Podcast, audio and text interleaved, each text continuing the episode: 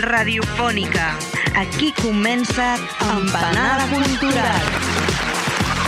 Un programa cuinat per Paul Digler, Ferran Pujol, Adriano Calero, Carles Martínez, a Ràdio d'Esvern.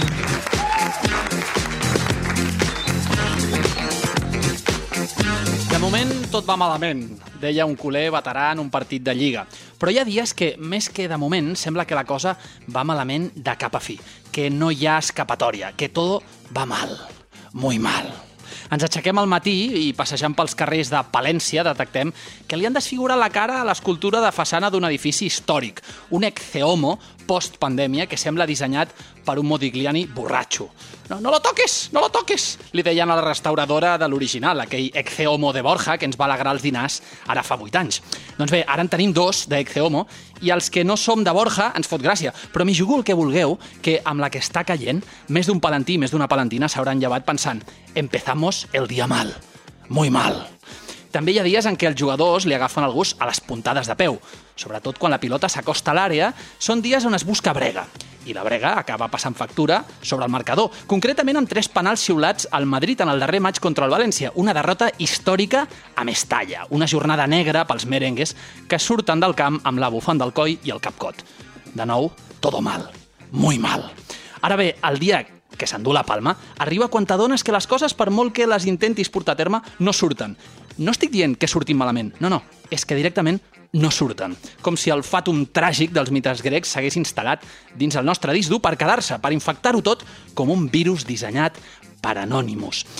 Clar, imagineu-vos, un hospital de Los Angeles necessita amb urgència un cor donant per a un transplantament i un helicòpter l'està portant a tota llet, a tota llet, des de San Diego, amb tanta mala sort que les moires del destí han volgut que el vehicle s'estavelli contra el terrat de l'hospital. Cada segon compta, així que enmig del merder un dels bombers agafa la bossa congelada on hi ha el cor i li entrega un dels enfermers, insisteixo, amb tanta mala sort que abans d'arribar a les escales, pum, l'home rellisca i l'òrgan acaba lliscant per terra. Tornem-hi. Todo mal. Muy mal. L'escena quasi sembla extreta d'una comèdia de Blake Edwards amb Peter Sellers o, no sé, aquell gag, un gag inclús de, de, del, del que me passa doctor de Peter Bogdanovich. Però no, res a veure, res a veure, és la pura realitat, recordant-nos per enèsima vegada que sempre va per davant de la ficció, com les víctimes de la Covid, com els negocis que tanquen o estan a punt de fer-ho, com la pàgina web d'ajuda als autònoms i les autònomes caient, i tornant a caure, i tornant a caure, o les ajudes que arriben tard, massa tard, o la meitat del que es preveia, les famílies a Merto, les famílies a l'atur. És en casos com aquest on ens adonem que això del todo mal és una expressió buida, un crit de rabieta, un rampell instantani. Busqueu a Google, busqueu, escriviu todo mal, ja veureu què surt. Podeu triar entre una comèdia mexicana de dubtosa qualitat i una web on venen samarretes. Mateix títol, diferent color. Todo mal. En blanc o en negre. Així de buit. Així d'absurd. I a l'altre extrem ressona amb alegria els, amb, de tambors, una alegria de tambors, allò de bien, bien, to, todo bien, todo bien. Que en el fons és un mirall del que venim comentant, eh? Igual de buit, igual d'absurd. Amb el manual d'autoajuda a la mà, amb el somriure als llavis de qui pensa que amb això de la Covid no n'hi ha per tant, o que vençut Trump, l'Amèrica de Joe Biden serà un camí de roses. Què? Com, com, com sortim d'aquest binomi? Com desfem l'embolic? Doncs el nostre estimat Joan Cornellà ens dona la clau amb una il·lustració ben sarcàstica. Dos homes pengen amb la soga al coll. El primer porta la mascareta tapant-li els ulls, el segon tapant-li la boca, com si la realitat pogués reduir-se a dues opcions. Així d'absurd, així de contemporani. Així que ja ho sabeu, el dibuix de Cornellà ens ho diu ben clar, i nosaltres l'equip de l'empanada també. Ni tan bien, ni tan mal. Les coses com són, i punt!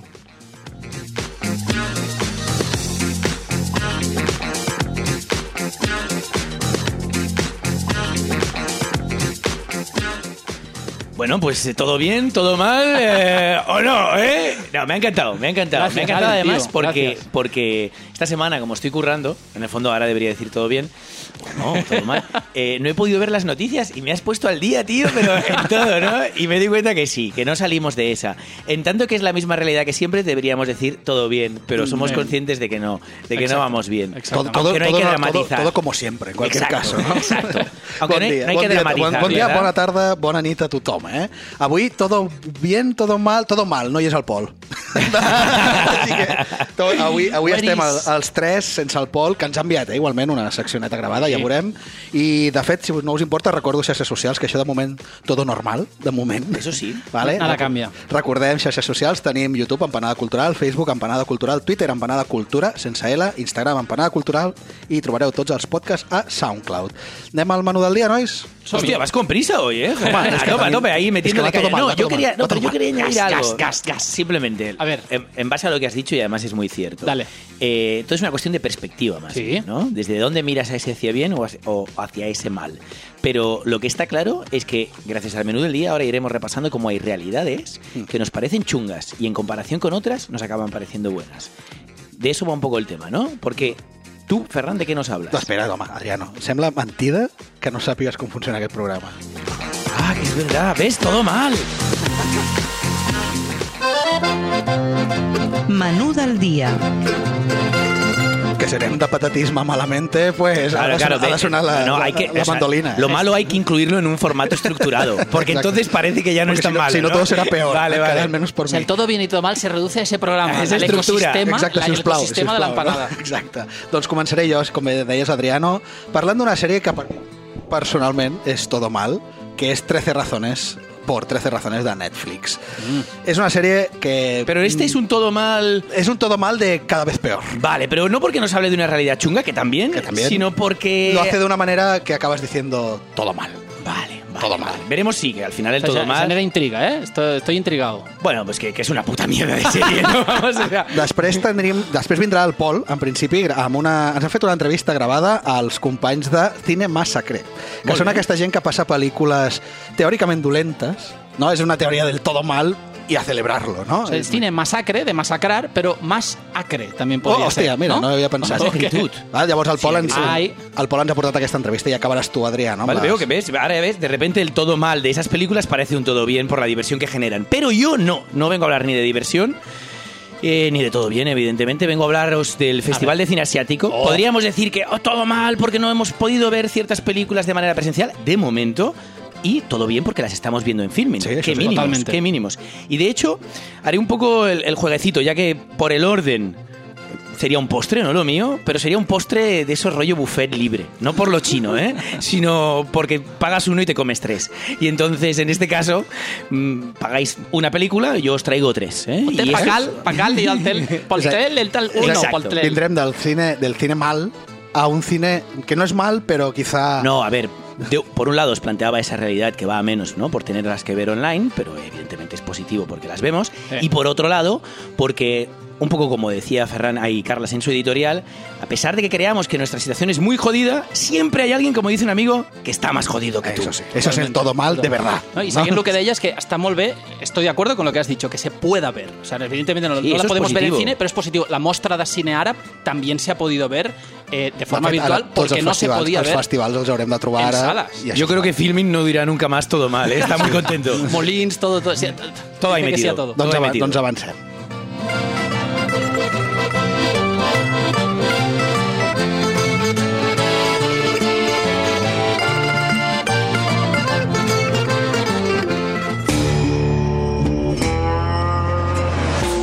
Sèries.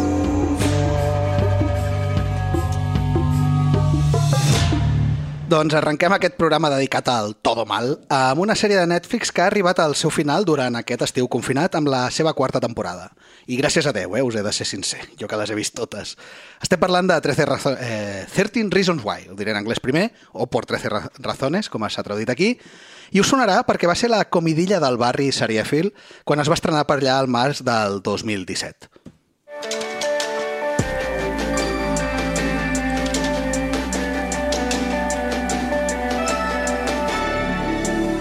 La sèrie està basada en el debut literari de Jay Asher, al 2007, amb la novel·la homònima. Va estar en boca de tots a l'enfrontar temàtiques de suïcidi i violació en el marc de l'adolescència amb certa cruesa i sense embuts. Va, en resum, la novel·la va de que Hannah Baker, una estudiant d'institut, es suïcida per sorpresa de tots els seus companys. Una setmana més tard, Clay Jensen, company de classe de la noia, rep un paquet a casa amb set cintes de caset, on Hannah hi ha gravat 13 sessions, una a cada cara de la cinta, deixant buida la última d'elles. Qué buena, ¿no? Qué maja, Sí, chica. sí, superguai. En elles, de des- todos. Sí, sí. En elles, aquestes cintes, ella desgrana les raons del seu suïcidi, fent responsables als diferents companys de classe i altres membres de l'escola. I cada cinta està dedicada a una persona diferent. Descobrirem, de, així descobrirem la vida secreta i relacions de Hannah amb diferents membres de l'institut, els episodis de bullying que va patir i la revelació de que va ser violada per un dels membres de l'equip de futbol americà. Hòstia. I en Clay, a l'escoltar les cintes, decidirà prendre cartes a l'assumpte. Aquest és l'argument de la novel·la, que també és bàsicament l'argument inicial de la sèrie. Si bé la sèrie adapta la totalitat del llibre en tota aquesta primera temporada, és a dir, la primera temporada ja és el llibre complet, uh -huh. després allarga els esdeveniments en tres temporades més, i en amb dos campos, eh, ja us dic, eh, les dos... El llibre i la primera temporada de la sèrie és exactament el mateix, amb les seves variacions, que ara anirem veient, eh? Això és el Hobbit en versió en bullying, eh? O sigui, Sí, és- Un llibre allargat, s'estira, s'estira. Claro, ya de cosecha propia, entiendo, de otras Sí, tres les altres temporadas. tempora- temporades agafen aquest fet de voler parlar de temes d'adolescència i tal, però com veurem la cosa no acaba Bueno, d'anar... diría del tot que entonces la primera fue bastante comercial y pensaron, aquí hay un chicle que estirar, Ah, ¿no? exacte, totalment. Ja us dic, eh, que aquesta primera temporada eh, ja hi trobem diferències que canvien bastant la direcció temàtica i, ja us dic, com veurem, acaben d'espatllar el resultat final.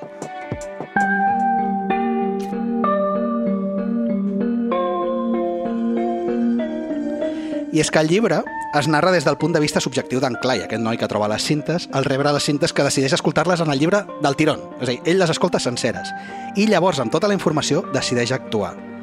A la sèrie, en canvi, ho fa durant el transcurs d'una setmana. Escolta una cinta i entremig decideix actuar cap a aquella persona no? que està inculpada. No? Si parla del company de classe Juanito, eh, diu, eh, tío, mira lo que he oído, lo que dice Hanna que hiciste. Però després escolta la següent cinta i és com, ah, espera, quizá debería escucharlas todas, no?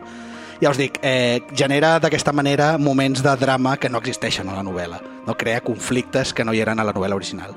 I ja us dic, aquí ja tenim el primer element que ens fa dir una miqueta allò de un poco mal, ja que la sèrie opta per al conflicte forçat i maniqueu, que si s'analitza fredament resulta absurd i injustificable, perquè per molt que el Clay sigui un adolescent impulsiu, ningú es creu que sigui tan estúpid d'afrontar el tema així, reaccionant a cada cinta de forma individual. Tío, Claro, esto es como la peña, o sea, o consumen empanada del tirón. ¿Esto qué es esto de ir viéndola par- paso a paso? No, no, no, por partes. Empanada del tiri. I és més que... eh, I, I més quan després de que cada cinta es veu a la següent cinta, ja us dic, es nota que la informació fragmentada no ajuda a la seva reacció. El tio hauria d'intentar no cometre aquests errors de judici. Un s'esperaria, per exemple, que el tercer episodi decidís parar de sortir a fer les creuades no? de, contra els assassins o culpables de la, del suïcidi de Hannah i se s'hagués escoltat totes les cintes. Un altre canvi de la sèrie respecte al llibre és la relació precisament d'en Clay i la Hannah. Al llibre són simplement coneguts d'institut, no arriben a creuar-se gaire més que paraules i mirades, mentre que a la sèrie se'ls fa ser molt bons amics i fins i tot s'enamoren en cert moment. Aquest canvi fa que en Clay a la sèrie es prengui tot molt personalment amb les cintes, reforçant, com dèiem, aquesta trama que comentàvem abans de drames i de conflictes. Però sobre- sobretot fa que resulti menys creïble el suïcidi de Hannah. Al llibre ella se sent molt aïllada de l'institut, de fet cal dir que és nova al poble, ella, és el primer any que està a l'institut, i s'entén que, la seva, que la pressió que sent la porti a mesures desesperades, però la sèrie com a mínim té un bon amic, en Clay, en qui podria haver confiat i parlat, i no prendre decisions de forma unilateral.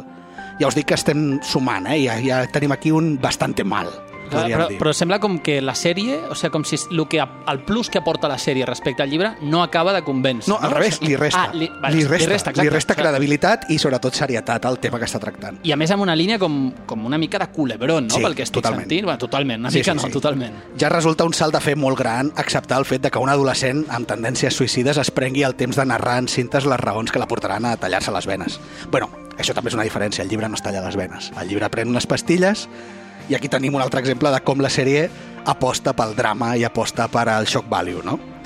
Però si a sobre afegim aquest salt de fe que l'entorn descrit a la sèrie és menys opressiu que el que ha vist a les pàgines de la novel·la, doncs la decisió de Hannah encara resulta més capritxosa i romantitzada. I aquest va ser el gran argument dels detractors de la sèrie. Jo m'hi sumo, eh? La possibilitat de que s'estigués romantitzant el suïcidi. I és que si bé el llibre va ser molt ben valorat, tant pels pares com psicòlegs, per tractar de forma respectuosa i sincera el maltractament tant físic, sexual o psicològic i el suïcidi dintre del panorama juvenil, amb la sèrie tots aquests canvis fan que la història fos diferent.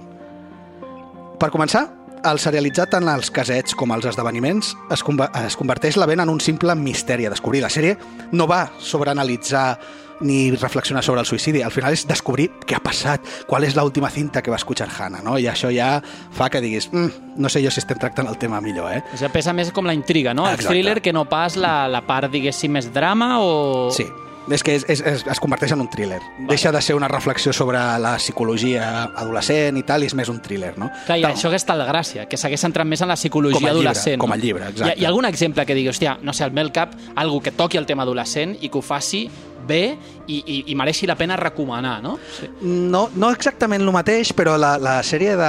Ai, com es deia? La de Sex Education. Sí. Sex Education tracta la sexualitat adolescent, el fet de que els nens es coneixen, d'una forma una miqueta més sincera, tot i que també té un punt de que fa massa intel·ligents els seus personatges per poder justificar segons quines converses sobre sexualitat.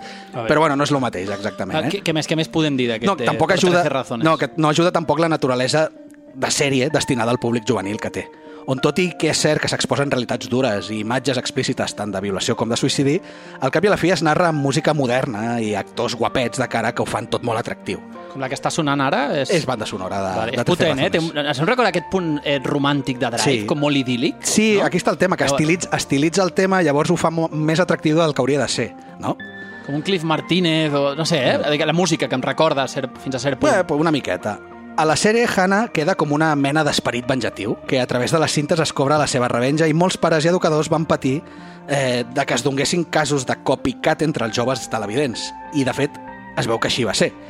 Ja amb l'estrena de la sèrie, tant els autors com els productors i actors van acompanyar cada episodi amb una sèrie d'entrevistes complementàries on analitzaven l'episodi i donaven consells assessorats per psicòlegs i professionals. I al principi de cada episodi, a més, eh, s'hi posa un avís, en pantalla, en gràfic, amb indicacions de serveis socials on es pot aconseguir ajuda en cas de depressió. Clarament, eh? Clarament sabien que, que tot això ho havien tractat d'una forma una miqueta poc adequada Ja. i van haver de posar aquesta mena de parxes per sortir de l'embolau. En definitiva, que todo mal.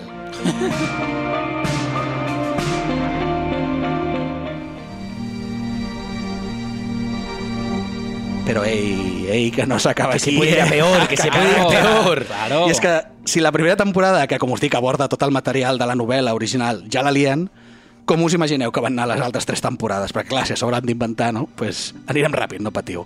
La segona temporada tracta l'aftermath del suïcidi, on els alumnes i pares enfronten judicialment a l'escola per negligència, mentre que Clay, aquest noi que va rebre les cintes, intenta exposar la cultura de protecció dels estudiants esportistes, causa, que van ser els causants de la violació i el suïcidi de Hannah. Però també hi ha molts més problemes que es van afegint. La sèrie, aquesta segona temporada culmina amb l'intent de tiroteig escolar d'un alumne marginat que finalment és interromput per al power of friendship no? i la necessitat d'encobrir-ho de cara a les autoritats. És a dir, tota problemàtica possible adolescent passa en aquell poble, en aquest institut. Atomiza, ¿eh? Sí, Atomiza sí, todo. moltíssim. Los problemas habidos y por haber, toda la maldad. En canvi, la tercera la temporada... Bueno, en canvi no. La tercera temporada continua amb aquest encobriment, no? Perquè el que fan és encobrir qui va matar, qui va provocar lo de Hannah, la violació, ah. el noi aquest que volia fer el tiroteig...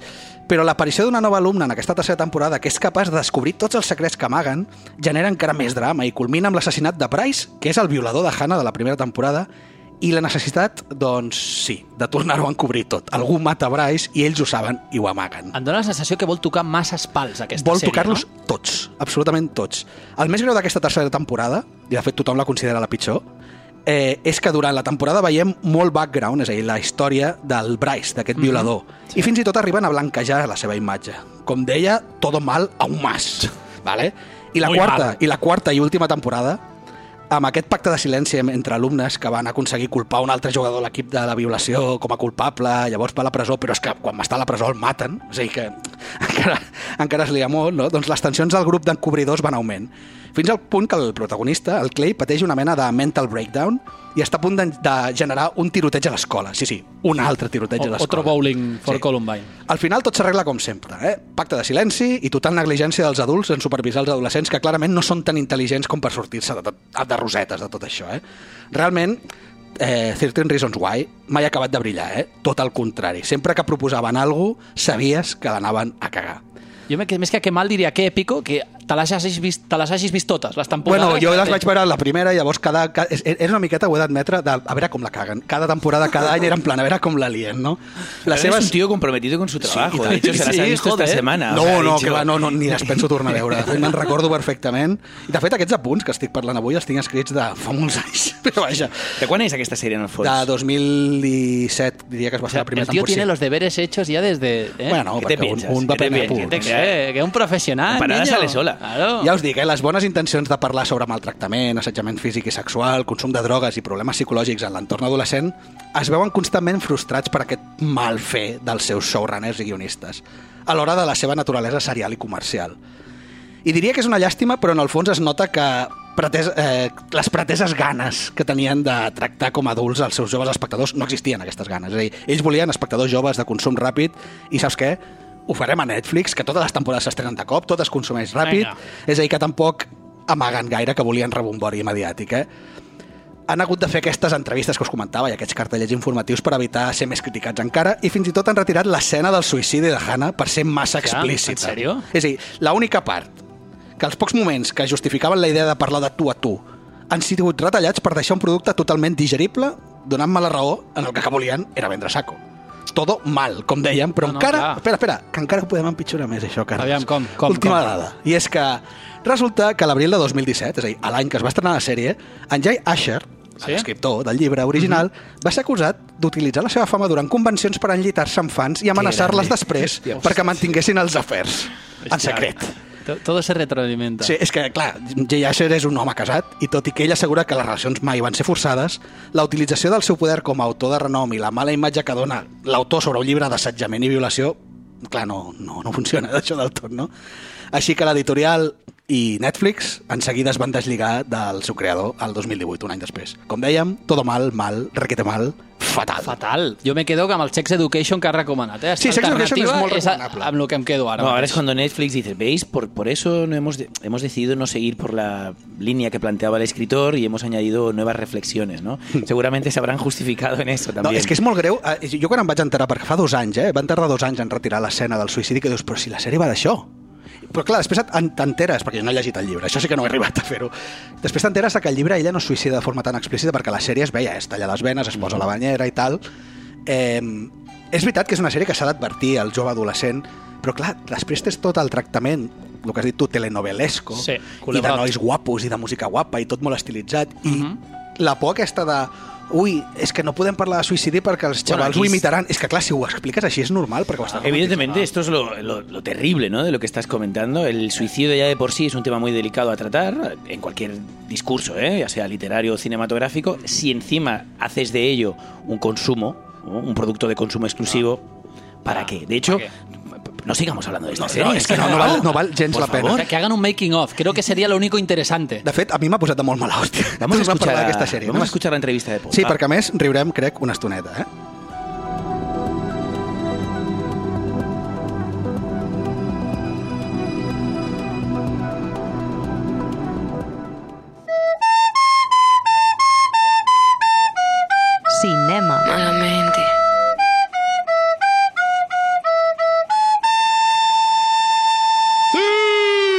Avui, en Panada Cultural, portem un duet que s'encarrega de desenterrar i obrir caixes de Pandora cinematogràfiques. Els representants del todo mal del setè art.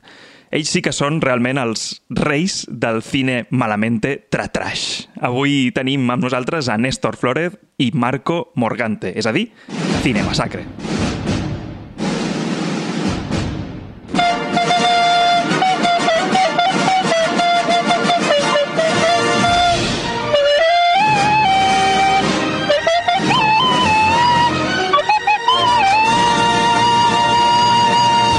chicos, ¿qué tal? ¿Cómo estáis? Gracias por estar aquí. Muy bien, ¿qué tal? Muy bien, muy bien. Todo muy bien, muy bien. ¿Tú qué tal? ¿Todo Yo muy bien, perfecto. Sí, sí. Todo Sí, bien. Se te nota, se te todo nota. bien, estamos Sí, en todo mal. Pero hoy, este- hoy todo bien. Primero de todo, y para la audiencia, ¿qué hacéis exactamente en Cine Masacre? Ah, ok. ¿Quieres la respuesta oficial o damos la, la nuestra, Néstor? Da la oficial primero y después. Ok, pues lo que hacemos es pillar películas basura, películas de serie Z, no se para la serie B, nos paramos a la serie Z y la comentamos en directo. Básicamente hacemos esto, básicamente somos los dos, veíamos una película, gente loca nos viene a ver ¿no? y vamos descubriendo las partes más bajas, los, el mundo hediondo de las películas de serie Z. Y hay un poco de todo, es un acontecimiento maravilloso. Películas porque a cualquier cosa le llamamos, le llamamos película. Claro, claro, eso es una, no es una falta de criterio, ¿no? está ahí método tras la locura que hacemos. Vale. ¿Y cómo, cómo empezasteis? Eh, ¿Os conocíais ya previamente? ¿Os, eh, os unió algún día, yo que sé, estabais comprando en, en el rastrillo y os unió las manos, se tocaron claro, al, sí. al pillar una peli de mierda? ¿Cómo fue eso? Bueno, el inicio es, eh, éramos, de hecho, Marco no estaba, éramos yo, Carlos Artés y el Sant- bueno, la película es Mascarat, que es un luchador de lucha libre y cómico, bueno, polifacético, y decidió, bueno, Carlos Artés vio que había un formato que podía ser interesante y lo comentamos. de que- eh, empezamos poniendo películas con presupuesto. Y después eh, evolucionamos a, a películas de mierda directamente de serie B. Eh, y en el primer show salió eh, de puta mierda el show, fue, fue muy mal. Es y cierto, teníamos. yo estaba de público. Estaba Marco de público y entonces echamos a- eché a los, que, los otros comentaristas y fiché a Marco. Sí, de hecho la anécdota es un poquito más larga. Todo fue a raíz de una película en concreto que fue la de Dragon Ball. Dragon, Ball, puede ser. Puede ser de Dragon Ball, ¿no? Sí, Sí, bueno, Dragon Ball Evolution, Dragon entiendo. Ball Evolution. Acá, acá, perdón, Dios. perdón por no haber dicho Evolution. Damos por sentado Sí. que hablamos de cinema. No, perdona, perdona. Bueno, hay- eh, nosotros hemos comentado las tres de Dragon Ball. Sí, sí, sí. De hecho, las comentamos to- todas. ¿eh? Incluso hay más. Pero bueno, más, la anécdota, de- para cerrarla, fue a raíz de una, una falta. Una falta. Fue, tenía- habíamos invitado, habían invitado a una chica como comentarista. La chica, último momento, no pudo. Me dijeron a mí, yo fui. Y desde ese día soy la parte femenina de Cinema Sacre. Sí, es, eh, sustituyó a la chica que tenía que venir, Dani Bocavit, que era en ese caso, y, y ahí está. De... y ahí sí fue amor a primera vista. Es que además ah, habéis proyectado películas como es- las Star Wars turca, Spider-Man japonés, pues también películas, como comentabas antes, no sé si ya más o menos presupuesto, pero Night of the Living Dead, o sea, que- grandes clásicos, y Raza, o sea, la película guionizada por Franco. O sea, em, realmente tenéis una disparidad total de películas y la pregunta es... ah, ¿qué es, ¿Cuál es el criterio entonces que seguís para seleccionar? Ah, es que Néstor dice cuál es el criterio. Vaya, vaya ocurrencias que tiene este hombre. Criterio, no, no conocemos esa palabra, criterio, ¿no? No hay criterio, hay un gusto, digamos. Bueno, por ejemplo, sí, método más que criterio. Hemos hecho películas y yo, pues, como lo hacíamos, lo hacíamos mucho más a menudo, una vez al mes, incluso íbamos a hacerlo también dos veces al mes, pero había momentos de que, bueno, de qué película tiramos, ¿no? De las que podemos tirar. Yo me miraba, por ejemplo, las películas, los estrenos que iba a haber ese mes o según la temporada y yo qué sé, cuando hicimos Robo War, que es voy a decir parodia a falta de un término mejor de, de Depredador, fue cuando salió la última de Depredador, que fue cuando fue el año pasado, el año antepasado, ya ni me acuerdo. Digo, bueno, pues vamos a tirar de aquí. Digo, un mínimo de método tiene que haber, pero por el resto. Raza, por ejemplo, la hicimos, eh, normalmente siempre eh, hablamos eh, la película que vamos a hacer, pero Raza la anuncié yo en directo a lo loco. No sé si te acuerdas que fue, mm, vamos a hacer Raza, y tú, "Oh, no me había enterado. Qué guay.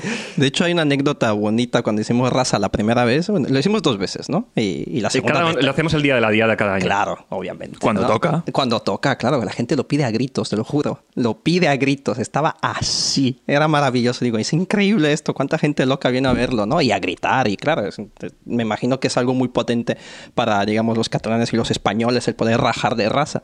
Pero la primera vez que lo hicimos. Digo, Néstor y yo somos comentaristas, yo siempre comento, pero ese día Néstor dijo, no, pues tú no, pues tú no vas a comentar, vamos a invitar a otra gente local, ¿no? Para comentar raza. Dice, claro, me dice Néstor al principio del show, dice, vale, Marco esta vez no va a comentar. Digo, ¿por qué? Bueno, Marco, pues no es de aquí, es- es- no es español. No es de esta raza. No es de esta raza. Y yo le dije, no, claro, Néstor, yo en cuanto mexicano, ¿qué voy a saber de dictaduras impuestas por españoles? ¿Yo qué voy a saber? Y desde ese día, ¡mua! caramelito. Raza que, bueno, demuestra la película. Ojo, que la película es una buena película. Es la mejor película de Franco, seguramente, Sí, escrita sí, por sí. Franco. Y demuestra que además de ganar las elecciones durante más de 40 años, también era un artista, Franco. Se le nota esa alma sensible. Sí, sí, se- es- Equiparado a los cuadros que pintaba Hitler, ¿no? Supongo. Claro, claro, sí, sí. Uno, Las casitas. Uno, uno iba a la Academia de, de Viena de Bellas Artes, el otro estaba en La Voz, claramente. Vale, entonces el proceso es este, ¿no? Es el de ir encontrando. También tenéis gente que os va chivando, tenéis algunos referentes de webs o Sí, supongo también. de estos de, de cine más cutre, ¿no? Y todo esto. Sí, porque la verdad es que es un, ¿cómo se llama? Eh, ¿Cómo definirlo? Es un, es un inframundo, ¿no? No sabemos qué tanta gente hay por ahí, sa- sabemos que hay gente hay- que, que hay por ahí, y, y la verdad es que todos pertenecemos a la misma familia, pero no sabemos que estamos relacionados.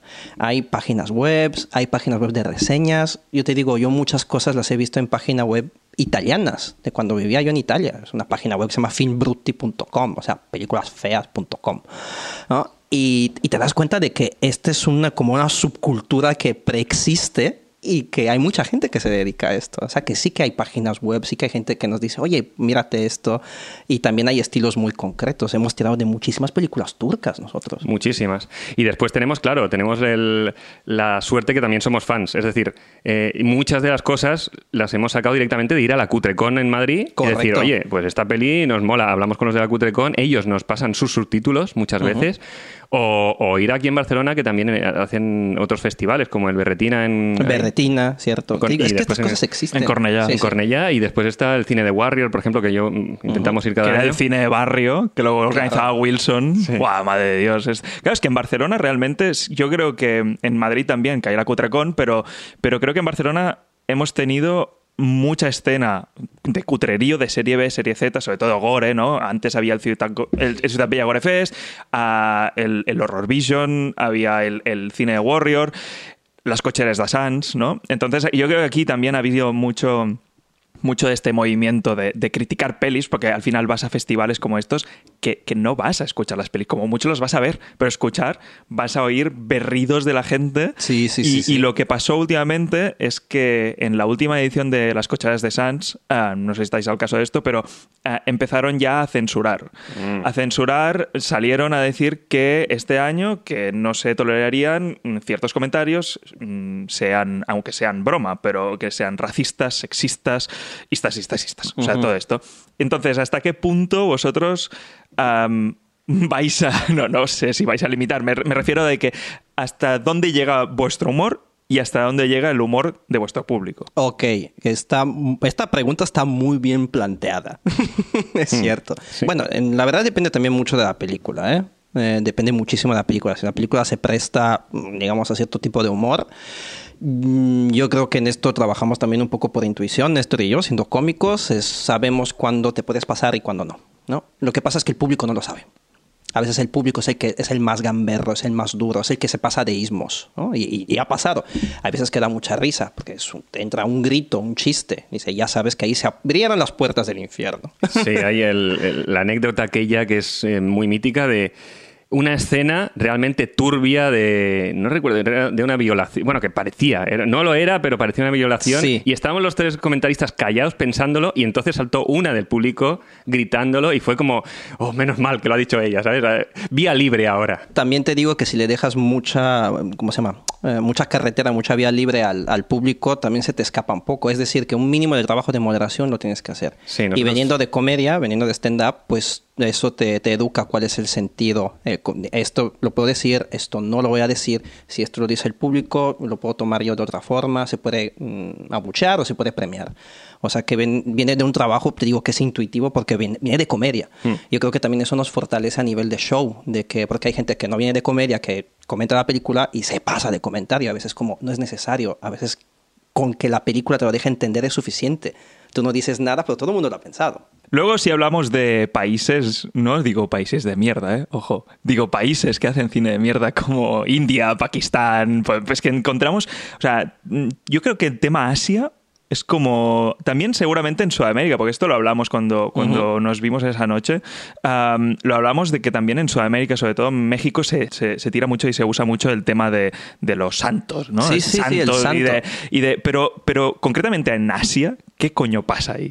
Bueno, es eh, como por ejemplo en Turquía, si consideramos Turquía-Asia, pues eh, viene de una idea completamente diferente de derechos de autores. Es, no tiene ese concepto tan trabajado y eso es algo culturalmente muy asiático. El hecho de coger algo y copiarlo hasta que no te sale algo nuevo es algo que viene Eh, por ejemplo, los chinos también lo tienen mucho. Entonces yo creo que eso permea el continente como algo que dan por sentado, como que no estamos haciendo nada malo, estamos repitiendo ese esquema que nos gustó, a ver si nos sale algo nuevo. Se pasan por el arco del triunfo, todo lo que son los derechos de autor. ¿no? A, a mí me parece inconcebible, pero también entiendo que si del otro lado no hay concepto de esto, pues ¿qué te impide hacer la película? El exorcista turco, o yo qué sé, o algo... El ET filipino hicimos. El ET filipino. Digo, es como para ellos creo que me parece que sea perfectamente normal. Es como si vi una cosa que me gusta, pues la voy a intentar replicar.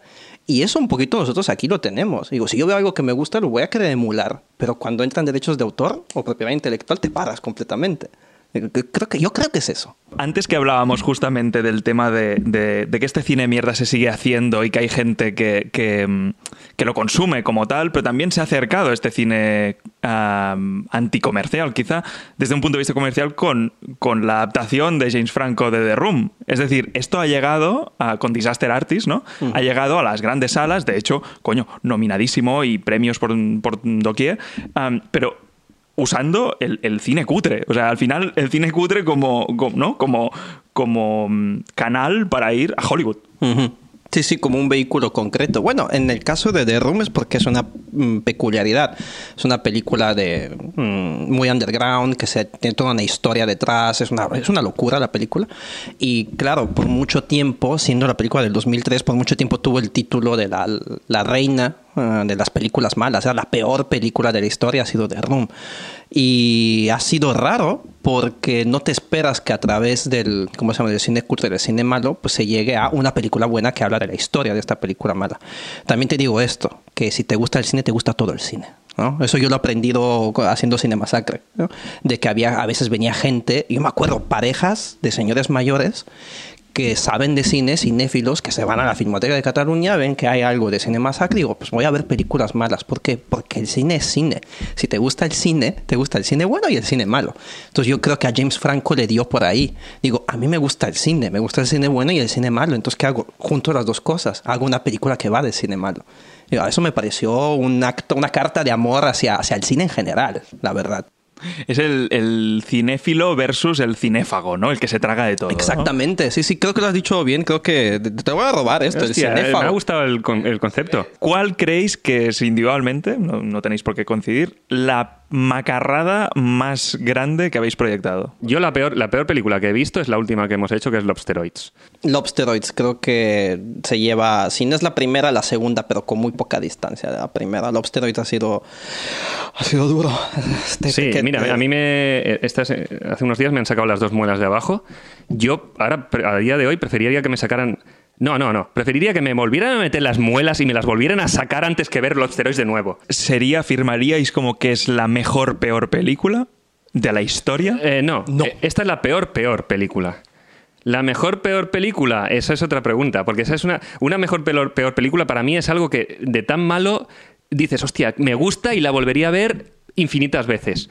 Y de esas tenemos unas cuantas. A mí las turcas mm, nunca me canso de verlas, por ejemplo. Correcto. Superman turco me parece un caramelito, es una joya del principio al final. Es la Rambo turco también, que hay dos Rambo, versiones eh. diferentes también. Es por- porque no sabemos.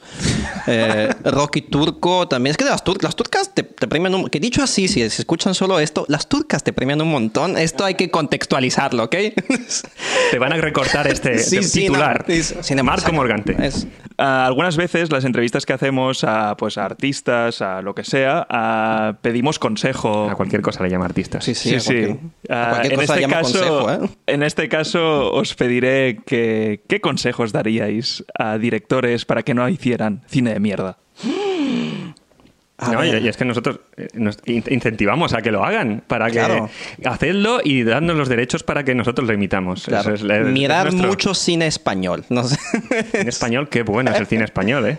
que para, contestar seriamente a la pregunta es pues no intentar copiar. Eh, porque, porque viene de muchas cosas vienen de ahí. Es como quieres emular a alguien y le acabas copiando. Entonces cuando yo veo la película ya sé de dónde viene. Entonces si ya sé de dónde viene, pues no me va a interesar. Digo, "Ah, pues, esto ya lo hizo mejor otra persona. Pues es lo primero que se me ocurriría. Y, una, y otra cosa que es lo contrario total, que es tampoco seamos demasiado originales, porque si no lo ha hecho nadie nunca antes, por algo será. Esta es buena. Hay razones de buena. Qué buena. Bueno, ¿dónde os podemos encontrar si vamos a redes o y más Bueno, ahora, yo vivo ahora cerca con el de tema. Ah, ok. virtual? Ahí estaba, estaba contestando en serio. Eh, nos pueden encontrar en Facebook y en, en Instagram. En Facebook con lo Y en que Twitter hacemos, también, y de en hecho. Twitter también. Eh, en Facebook básicamente lo que hacemos es pues colgar el evento y moverlo por ahí. Estamos más activos en Instagram. En Instagram sí que le estamos dando un poquito más de vuelta. Porque también vemos que la gente pues es- se apoya mucho a esta red social, ¿no? ¿Qué más? Por Twitter también eh, y por la calle. Bueno, chicos, pues muchas gracias por estar aquí a Empanada Cultural y nada, pues a seguir virtualmente, ni que sea. Pues sí, me parece maravilloso. Muchísimas gracias. Un saludo a todos y eso es todo. Muchas gracias, ha sido un placer estar aquí y nos vemos eh, en las salas de cine de mierda. Claro, acuérdate que a cualquier cosa le llamamos cine. De mierda.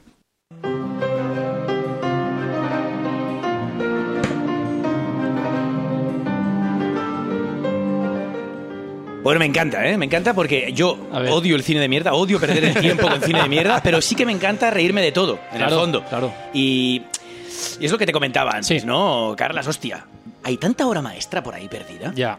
De las cuales quizás he visto, yo qué sé, un 20, un 30, un 40, un 50%. que Demasiado, ¿Cómo voy a perder ¿eh? el tiempo viendo mierda Claro. cuando podría estar viendo grandes joyas? No lo sé. Yo sí que te llevaría la contraria en el sentido que, hostia, que la favor. serie B tiene algo muy entrañable. Pero es que no es B, ya algo es muy- Z, es ya- Z. Y la ola Z, algo Sí, muy Ball, disfrutable. ¿eh? y, y se puede compaginar co- como la vida en general, ¿no? Lo, Bueno, a lo ver, que es genial y lo que no es tan genial, pero tiene sus defectos, ¿no? A ver, si llegas el típico día. Pero, pero para eso están las series, ¿no? Yo soy de, aqu- soy de aquellos que, que elijo las series cuando no tengo ganas de complicarme mucho la vida. Claro, es cierto que hay series que tienen un potencial mm, que no, no se mide con el cine, no, no, superan al cine, porque al final es parten de lo mismo. Pero sí que es cierto que el serial juega muchas veces con la repetición y con la, la falta de necesidad de concluirlo todo en un metraje de 60 o 90 minutos. Eso es lo que permite a mí eh, que el día que no tengo ganas de complicarme la cabeza.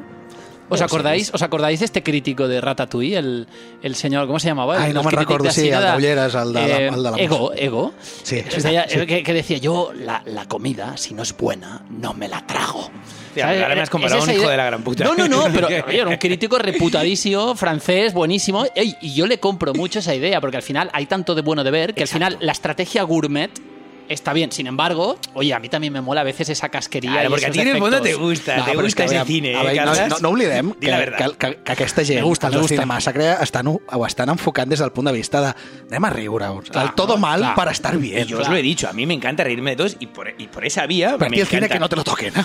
Bueno, no, es que antes estábamos hablando de esto, ¿no? Hostia, al, al A que le, decía, decía uno de los entrevistados, al A que, ver. a, quien le gusta el cine, le gusta el cine bueno y cine malo. Hostia, eh, no sé, ¿eh? yo, yo voy a entrar en otra línea. A quien respeta el cine no tolera el cine malo. Jo crec que ja ho ha explicat És- el és Pol. una ho, ha, filosofia. ho ha resumit molt bé el Pol amb allò de cinéfilo o cinéfago. Cinéfago. És una Bueno, llàstima és que que no jo me estigui el Pol considero aquí, cinéfilo. perquè- Cinefagia, m'agrada aquest que yo me considero cinéfalo y cinéfago, ambos. Ja. Ah, sí, jo, clar, jo, jo una última aportació volia fer. Eh, aquestes d'idea d'un de, de, de, d'un- un grup de gent com molt friki, com un grupo casi sectario de gente que va y abuchea o grita de, delante de la pantalla una peli que han visto todos 200.000 veces. Recorda molt aquestes sessions, les Midnight Sessions, eh, sessions de medianoche. Rocky Horror. Rocky Horror Sí. Picture Show de, de Jim Sharman, no? que la gent eh, va, va arribar a veure durant dècades de forma repetida totes les nits i se sabien Les diàlegs lletres, de memòria sí, sí. i escenes i, i tiraven És, coses és, la- és una mica diferent perquè la pel·lícula és celebrada com a... Ells la consideren bona pel·lícula, un bon musical, en Cert, aquest cas. cert. Ells van més a buscar l'anècdota, a riure...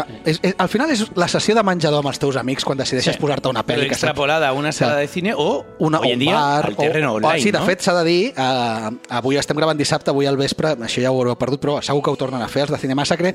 Durant tota aquesta època de Covid han seguit fent-ho online, eh? podeu buscar per internet el seu Facebook a Cine Massacre, podeu trobar-ho. De fet, també sabeu que la, les entrevistes les pengem senceres al nostre SoundCloud, Yes. així que teniu una versió extesa de, em sembla que dura mitja horeta, o sigui, el doble del que heu sentit, al nostre SoundCloud. Y está claro que quizás una peli de esas chungas no me las trago, pero seguramente con su doblaje, con Sí. su montaje, con sus És comentarios. que és la gràcia. De una. Eh, doncs mira, avancem cap a cinema no Sisplau. tan malament.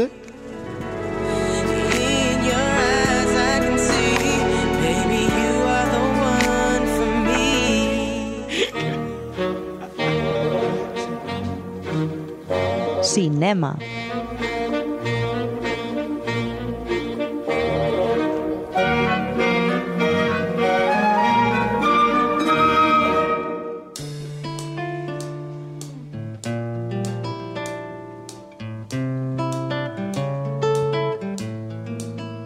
Bueno, tal como decíamos al principio de esta empanada, hoy toca Asia, o ahora toca Asia, drama, más bien tragedia, pero ni mucho menos al uso, y tres pelis por el precio de una. Pero me alegro que hayamos dejado la melodía de nuestro querido cineasta ruso Alexei Balabanov para introducir esta sección. Sí, pero antes te reías. Sí, sí, ¿Sabes antes lo que has sonaba? jodido, cabrón. Es- ¿Qué es coño de- era eso? La banda sonora de Room es la escena romántica. Claro, una maravilla de Room. Por... ¿Cómo no he venido a hablar de esa.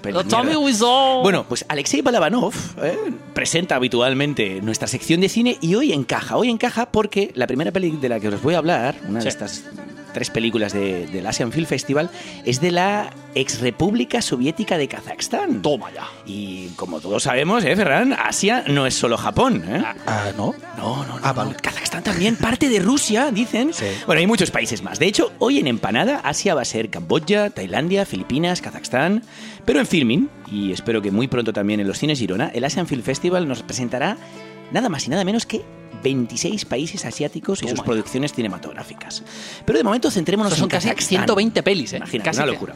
Pero de momento centrémonos en Kazajstán y en A Dark Dark Man. A ver. Así es como se llama la peli kazaja de la que hoy os voy a hablar y que representa de manera magistral a dicho país, aunque aviso, sacaros de la cabeza la imagen que Borat ha conseguido proyectar sobre, sobre Kazajstán. ¿no? ¿Lo recordáis, no? Hombre, Que sí. Borat es un canalla muy divertido, pero siento deciros que Kazajstán no es ese país infame y rural que él nos presenta en sus pelis.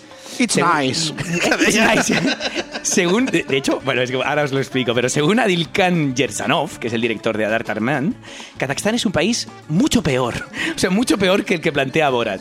Y lo gracioso de Borat, además, es que la primera peli fue muy criticado, de hecho creo que cayeron denuncias y tal, pero en la segunda ya no, No, porque hecho, gracias a la peli de Borat, a Kazajstán le llegaron muchísimos más turistas. Sí, sí. Esto es cierto, ¿eh? y se dieron cuenta de que el It's Nice podría ser un gran lema turístico para el país. Ahí lo dejo, ahí lo deja. Pero resulta evidente que un país y un pueblo no se pueden reducir a una única verdad. Y, y aunque Yerzanov, el director del que hoy os hablo, lo presente en esa línea, pues seguramente Kazajstán son muchos Kazajstán en uno. Pero centrémonos en esa realidad que él nos presenta, que Yerzanov nos presenta, que es muy jodida. Es una realidad de la estepa kazaja.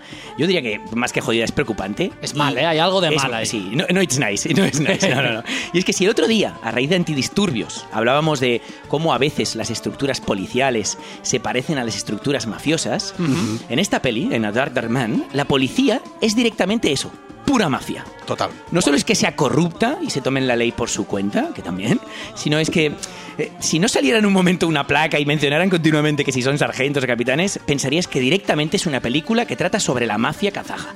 Literalmente. Totalmente. Y Adar Tarman es una peli que presenta a un comando policial que trabaja en una zona rural de Kazajstán y en concreto se centra en un policía de bajo rango, un, baja- un lavaperros. Colombia, a- a los- pero esto en el entorno mafioso, ¿eh? a, los, a los personajillos de bajo rango les llaman lavaperros, porque ya imagináis lo que hacen, ¿no? Lavar el perro del mafioso. Pero en este caso no lava perros. Como ¿no? en Dogman, en aquella Tiene peli tan punto, buena de... exacto. No, lo que pasa es que ese es un tío que no... Bueno, eso es... a- Aquí habría que matizar. Directamente los lavaperros son tíos que trabajan para el mafioso, que forman parte de su, eh, de su, de su séquito, Sí. pero que tienen funciones bastante bajunas, como lavar al perro, ¿no? Pero es que en este caso, el protagonista de Dark Man no es que lave perros, obedece sin cuestionar decisiones un tanto amorales de sus superiores y creedme que son bastante peores que eh, lavar, que seguramente a, a mucha gente le parecerá una maravilla lavar al perro. La cuestión que es que la peli empieza con un asesinato y lo que normalmente sigue en una película de esta índole es la investigación, ¿no? Qui ha? ¿Ah? Pues aquí no, aquí no. Aquí se trata de defender a hostia y pistola la resolución ya inventada por la policía del pueblo, porque parece que allí la verdad importa muy poco y lo que realmente apremia es encontrar un chivo expiatorio y seguir con los trapicheos. ¿A quién le toca pringar y maquillar esta verdad? Con un poquito de sangre, ¿eh? Maquillaje de sangre, pues al lavaperros de la O policía. sea, es la historia de la protección de una mentira, ¿no? Li- Desde el inicio, desde el inicio, desde antes incluso que el propio asinato. Buah, valga la paradoja. Sí. Y del mismo modo, ¿eh? o sea, del mismo modo que este tío se dedica a, a lavar perros, eh, metafóricamente, de repente se ve envuelto en un lío, porque todo cambia cuando se presenta una periodista. Me encanta la idea de, de que, de que la, la justicia llega de la mano del periodismo. Imaginar cómo está el país, ¿eh? Eh, Llega una periodista de la capital, también es gracioso que en el doblaje siempre hablan de tu país, de tu país, como Sí. si esa capital no fuera la capital del mismo país, no, no, como si fuera otra realidad. Y entonces llega esta investigadora, yo la, yo la concibo como una investigadora, y es a partir de entonces que el, el esperpento está asegurado. Porque claro, el protagonista tiene que tirar ya del método clásico y honesto que se espera de una investigación. E ir maquillando. Sí, disimulando, disimulando, no, no, aquí nos cargamos al personal, pero bueno, eh, de cara a la galería hay que, hay que currárselo un poco más. Y claro, a pesar del drama que narra, ya es evidente por el tono en el que lo estoy explicando, es que la peli es más bien cómica. Pero pero Sí, esa pero de mala comedia de- incómoda, de mala sí, de sí, muy sí, mala sí, hostia. sí. Estoy hablando de ese, de ese humor negro que nos recordaría a Bong Joon-ho, ¿no? Hostia. Tan famoso Bong Joon-ho de, de, de- Coño, joder, de Parásito. Pero yo en este caso no quiero hablar de Parásito, quiero hablar de Memories of Murder o de Madre, porque tienen mucho que ver con ¿Y esta Fargo? peli. ¿Fargo esa idea de comedia Eso- violenta? Eso, eso es interesante de ver por la idea de, de- de la estepa que se plantea aquí, por la idea de la nada, pero Fargo tiene una apuesta por esa nada en forma de nieve. Sí. Y aquí la nieve Sí. es mucho más. Aquí la nieve es muchísimo ¿En qué más. sentido? Porque aquí la nieve es casi algo a alcanzar. Sí, perquè Hay unos això- planos increíbles. Tot això passa a l'estepa russa, com diu l'Adriano, seca, àrida, freda, perquè Sí. sí. és freda, però no neu. I en canvi hi ha un moment on van a una mena de santuari, no? Sí. sí. per, fugint de la situació, que és la neu. I allà la neu té un punt més de verge i de protecció que no a Fargo, que és l'encobriment de, la, de la misèria. Però sí que té un to molt Fargo Sí, és- amb, amb lo miserable i, lo, i sobretot lo tontos que són El absolutament patetismo humano. Sí, sí, el sí. patetismo humano. Esa misantropía, ¿no? Pero es importante matizar esto, ¿no? Porque si en Fargo esa nieve que cubre Sí. eh, es a su vez también el motivo de, de ese patetismo o nada de la nada, de la nada que provoca que la maldad humana y la estupidez se pongan, ¿no? Sí. Al descubierto. Aquí es, es- la nieve sería lo mágico. Aquí la nieve cubre esa realidad de la que se quiere escapar, desdibuja una realidad muy jodida y por eso en los planos que acompañan a nuestro personaje eh, protagonista, la nieve siempre está a lo lejos, en esas montañas alejadas, porque la estepa, esa llanura, ahí no hay nada. Ahí que solo hay de- muerte. Del prota, Ahí solo hay muerte. Ah, Pero hay es carisma muy- en ese prota, ese prota es muy es- carismático. Es increíble. No, porque el nivell es- actoral és molt gran. el, el- el tío este, ¿no? El protagonista, el lavaperros, el, el policía, eh, representa el, el- el claro icono de un noir, pero es que o de un thriller policial, pero a la vez también podríamos tener al personaje eh, protagonista de un western. Y de hecho hay un apunte, Sí, al porque en la película empieza con un sombrero y dice, ¿tú dónde vas, payaso? Quítate ese sombrero, ¿no? Pero, pero a la vez es, o sea, es todo esto, es un thriller, es un noir, es un western y nada de lo que he dicho, porque es una peli que es claramente autoral, ¿no? Sí. Revela continuamente referencias, pero a la vez es única. Y evidentemente, y eso que quede ya claro, no es apta para todos los públicos. Así un poco como ese cine malamente. Tam Tampoc és que sigui exageradament violenta, No por eso, d'explícita, no por eso. sinó perquè és molt incòmoda i el que t'està plantejant té una mala llet de l'hòstia, perquè, diguem-ho, l'assassinat és d'un nen. Sí, sí. Vale. Y, y- y bueno, y se presenta la investigadora y en todo momento la broma gira alrededor de quién ha contratado a esta prostituta Exacto. que acaba de llegar, pero de una manera muy sutil. Es decir, es un cine muy incómodo, pero cuando digo que no es apta para todos los públicos, es por el tempo, por el tono, sí, sí. ¿eh? por, por- por cierto. ese concepto autoral que muchas veces pues eh, eh, saca al personal de sus sofás o de las salas de cine, ¿no? Y que encontramos en mucho cine asiático. Exacto, pero aquí se juega deliberadamente a eso. Se juega deliberadamente a eso. No es que eh, se, se marque en un concepto asiático del cine contemplativo. No, no, no. Aquí es una película que se quiere cocinar a fuego lento. Que quiere forzar la incomodidad del espectador a partir de esos tiempos dilatados.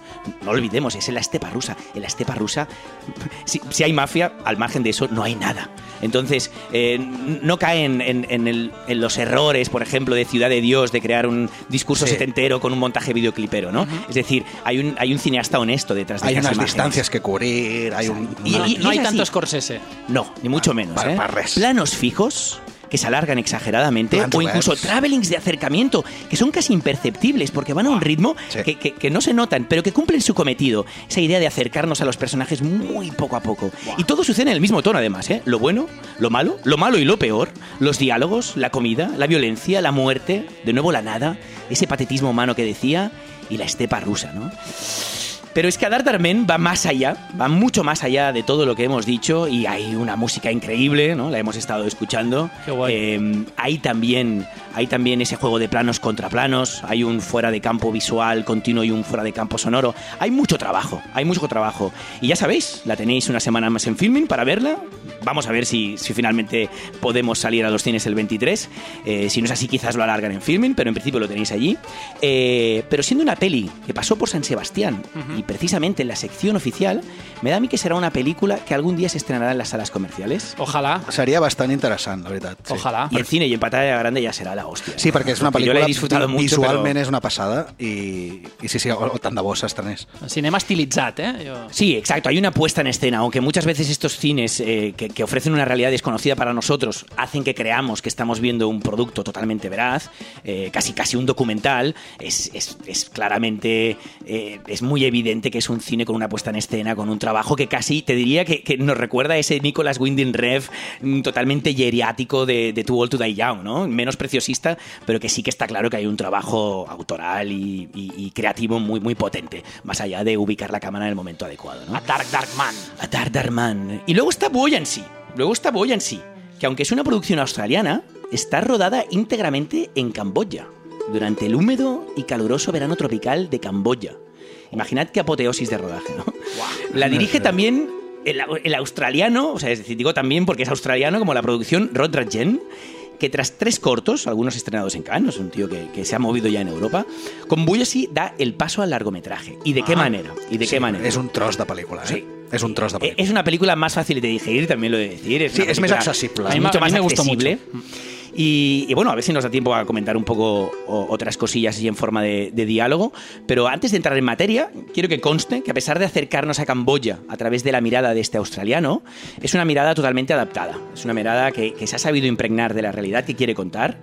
Y, y de hecho yo la vi sin saber nada de la producción. eh, y en ningún momento pensé que estaba rodada por un australiano. No, de fet, es veu que es va, va fer molta entrevista. Fet, al final Sí, de la parte de eso. Sí, parte sí. de eso, parte de las entrevistas que él, que él mismo ha grabado a, a gente que ha padecido el esclavismo moderno en Asia, ¿no? Lo vamos a ver, pero es que un detalle muy importante. Está rodada en Yemer, que es la lengua de Camboya, y en tailandés, que es a donde viaja el prota de Buoyancy a buscar una vida mejor. O sea, A eso de alguna manera ya nos dice todo. No, no iremos el inglés en la película.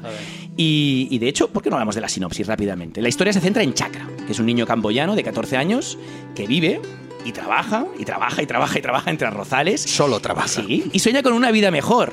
Pero como dice un amigo mío, y lo he comentado antes, siempre hay una realidad peor. Así que a fin de cuentas, Chakra hay que ver que vive con su familia y bajo la protección del hogar. Pero como decía nuestro Hobbit en su monólogo Concretas, que lo comentábamos el año pasado, eran muchos, muchos más que muchísimos y muchísimos más que más. Demasiados a los que alimentar y demasiado trabajo. Y eso le lleva a pensar a Chakra, al protagonista, porque no es el hereudo de la familia, que quede No, es claro, que la vida que la vida le puede ofrecer mejores realidades que la que ya conoce. Y por eso un día, sin decir nada a su familia, Chakra deja lo conocido y viaja a Tailandia con la idea de trabajar en una fábrica de Bangkok. E imaginad, si eso ya nos pa- yo lo oigo y digo, hostia, pero si eso ya es muy jodido en sí mismo, pues imaginad lo terrible que es acabar fracasando en ese intento, Bangkok le queda lejos, y acabar en un barco pesquero trabajando de sol a sol, estamos hablando de 20 horas al día, Durmiendo allí. co- como un esclavo, y encima para tres tailandeses con unas pintas así tatuados, tatuados, no, no es que me gusten los tatus, ¿eh? Con olor a pescado continuo. continuamente. De hecho, hay que destacar el capitán del barco, Brutal. Que, es, que es un actorazo. Eh, pero además es, es director, es doble de acción y resulta tan creíble que te piensas que es un puto pirata moderno. Y por otro lado, el actor protagonista, este, este Chakra, que es claramente un actor natural, es Su, primer, su primer papel, pero le auguro muchísimos trabajos más. Es una potencia en la mirada y en la contención interpretativa que es increíble. ¿Y cuál era la intención de este cineasta australiano? ¿Qué nos quería ofrecer a, a partir de esta historia? ¿no? Pues eh, recordar que hoy en día hay más de 200.000 esclavos modernos en el sudeste asiático. Gente que parte de sus países sin saber otro idioma que el suyo, sin dinero, sin papeles, y parten en busca de una vida mejor y siempre se encuentran con la maldad humana. ¿no? Con la maldad muchas veces en forma de otras naciones que creen que vienes de un país que es un, es un mundo, o incluso de su propio pueblo que le vende. ¿eh? O sigui que estem parlant de todo mal de verdad. Este sí que es un todo mal. Basado en hechos reales, pero sin buscar la ¿eh? Nada. No, no, no, parte- que és que és gairebé documental, depèn com tu miris. De hecho, parte de un testimonio real, de muchos, pero hay uno que queda grabado en la película a partir de una serie de palabras que dice, la tortura ocurre cada día y las muertes por ella cada dos. Te da miedo la gente, incluso a la luz del día. Ahí nadie puede oírte. No tienes papeles, nadie sabe que existes. Y de algún modo, eso es lo que pasa. No existen, no existen. Y... no sé cómo decirlo. Esto, como tú has dicho, Ferran, y como tú también sabes, eh, Carlas, esto sí que es estar realmente jodido. Así que el cine nos, ap- nos aporta muchas veces esa, esa mirada a lo desconocido que debería no ser tan invisible, ¿no? Totalmente. A mí me recordaba a ese de Yellow Sea de Na Hong Jin, ese cine coreano de, pues de personas que están Sí. atrapadas en ese mar amarillo donde hay eh, Porque hay algo- hay corrupción, hay tráfico Hay algo de potente que has visto en esa comparación y es Sí. que todo y ser una peli de carácter social Sí. sigue respondiendo a ese puntito de género, Totalmente. a esa idea del héroe. Totalmente. En este caso un antihéroe, un- una especie de lazarillo de Tormes Sí. que, que- que ha, que ha embellecido precisamente por la deseducación que le han dado, ¿no? S'ha de dir que la pel·lícula es diu Buoyancy, flotación, eh? I La flotabilitat, La flotabilitat, que és bastant... Per no desvelar gaire, perquè és una pel·lícula que podeu trobar a Filmin i que us recomanem. Sí, está en la misma en, en la misma línea de lo que os he dicho, ¿no? Una semana más en Filmen y tal vez en los cines Girona y tal vez en las salas comerciales. Esperemos. Doncs, últim minutet, nois, arribem a aquest programa Todo Mal, que com sempre, com és Todo Mal, no hi ha agenda tampoc, oi, Adrià? No, porque ¿para qué la agenda? La Sí, agenda que es no esto, la agenda es la agenda es no ver 13 Sí. razones Exacto. y la agenda es quizás conectarse online a poder eh, ver una película comentada, un Sí. cine malamente fi- comentada o- o por nuestros amigos. exacto. Y, y todo ese Asian que Adri estaba comentando Esperemos de que tengamos la que oportunidad están filming. De Doncs- hablar de ello más. Esperem que sí. Doncs recordem ràpidament xarxes socials, eh, YouTube, Empanada Cultural, Facebook, Empanada Cultural, Twitter, Empanada Cultura, sense L, Instagram, Empanada Cultural, i els podcasts els trobareu a SoundCloud, Empanada Cultural. Ens escoltem la setmana que ve, nois. Sisplau. Adiós.